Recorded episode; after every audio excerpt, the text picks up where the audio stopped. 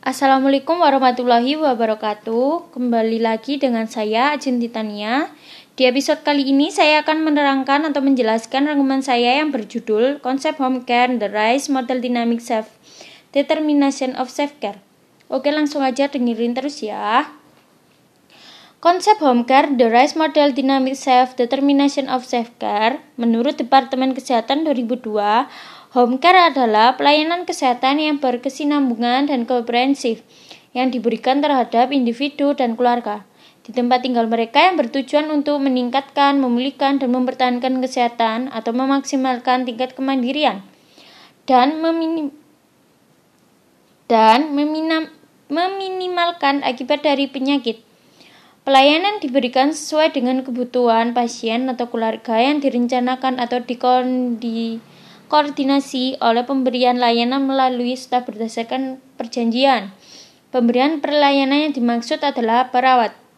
Teori model RISE yaitu Dynamic Self-Determination of Self-Care yang dimaksud adalah bahwa pasien diberikan kebebasan untuk menentukan pilihannya dalam merawat dirinya sendiri guna menjaga keseimbangan kesehatan mereka sendiri Motivasi pasien, pengasuh pasien atau keluarga untuk menjaga keseimbangan kesehatan mereka sendiri sangat dipengaruhi oleh persepsi interpersonal terhadap ke keyakinan sehat bagaimana seseorang bisa menentukan nasibnya sendiri.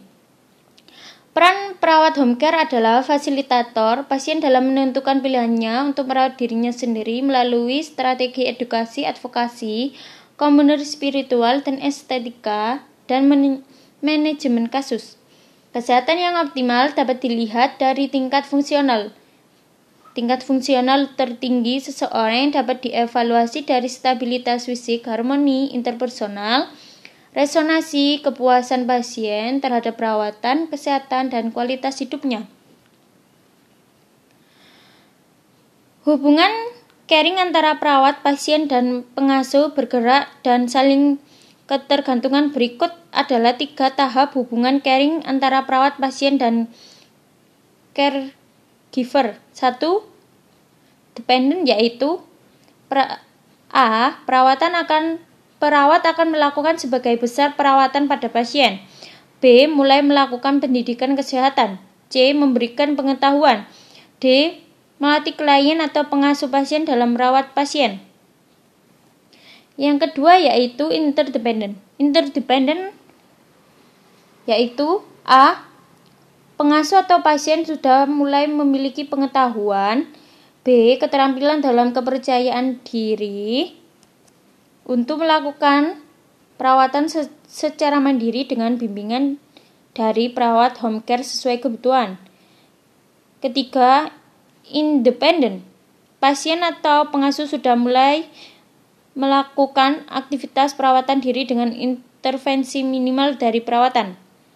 The Rise Dynamic Self Determination Self Care memiliki beberapa prinsip sebagai berikut. Satu, setiap orang memiliki pengaruh yang besar terhadap kesehatannya masing-masing. Dua, kese, keseimbangan yang optimal pengacu pada level fungsional tertinggi, tertinggi dan multidimensional.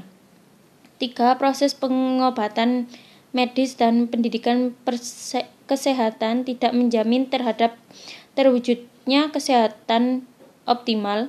Empat, pasien adalah wujud holistik sepanjang rentang kehidupan. Lima, pasien atau pengasuh sebagai tanggung jawab dalam perawat pasien yang difasilitasi oleh perawat home care. Perawat home care berperan sebagai fasilitator. Dan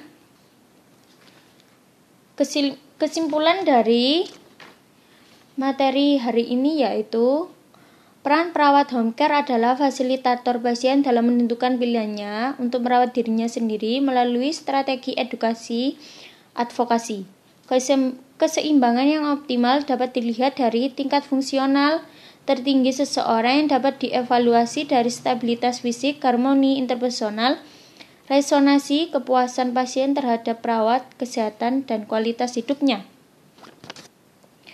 Oke, itu tadi rangkuman pembahasan saya hari ini. Mohon maaf apabila saya kurang dalam penyampaian materi. Semoga bermanfaat. Assalamualaikum warahmatullahi wabarakatuh.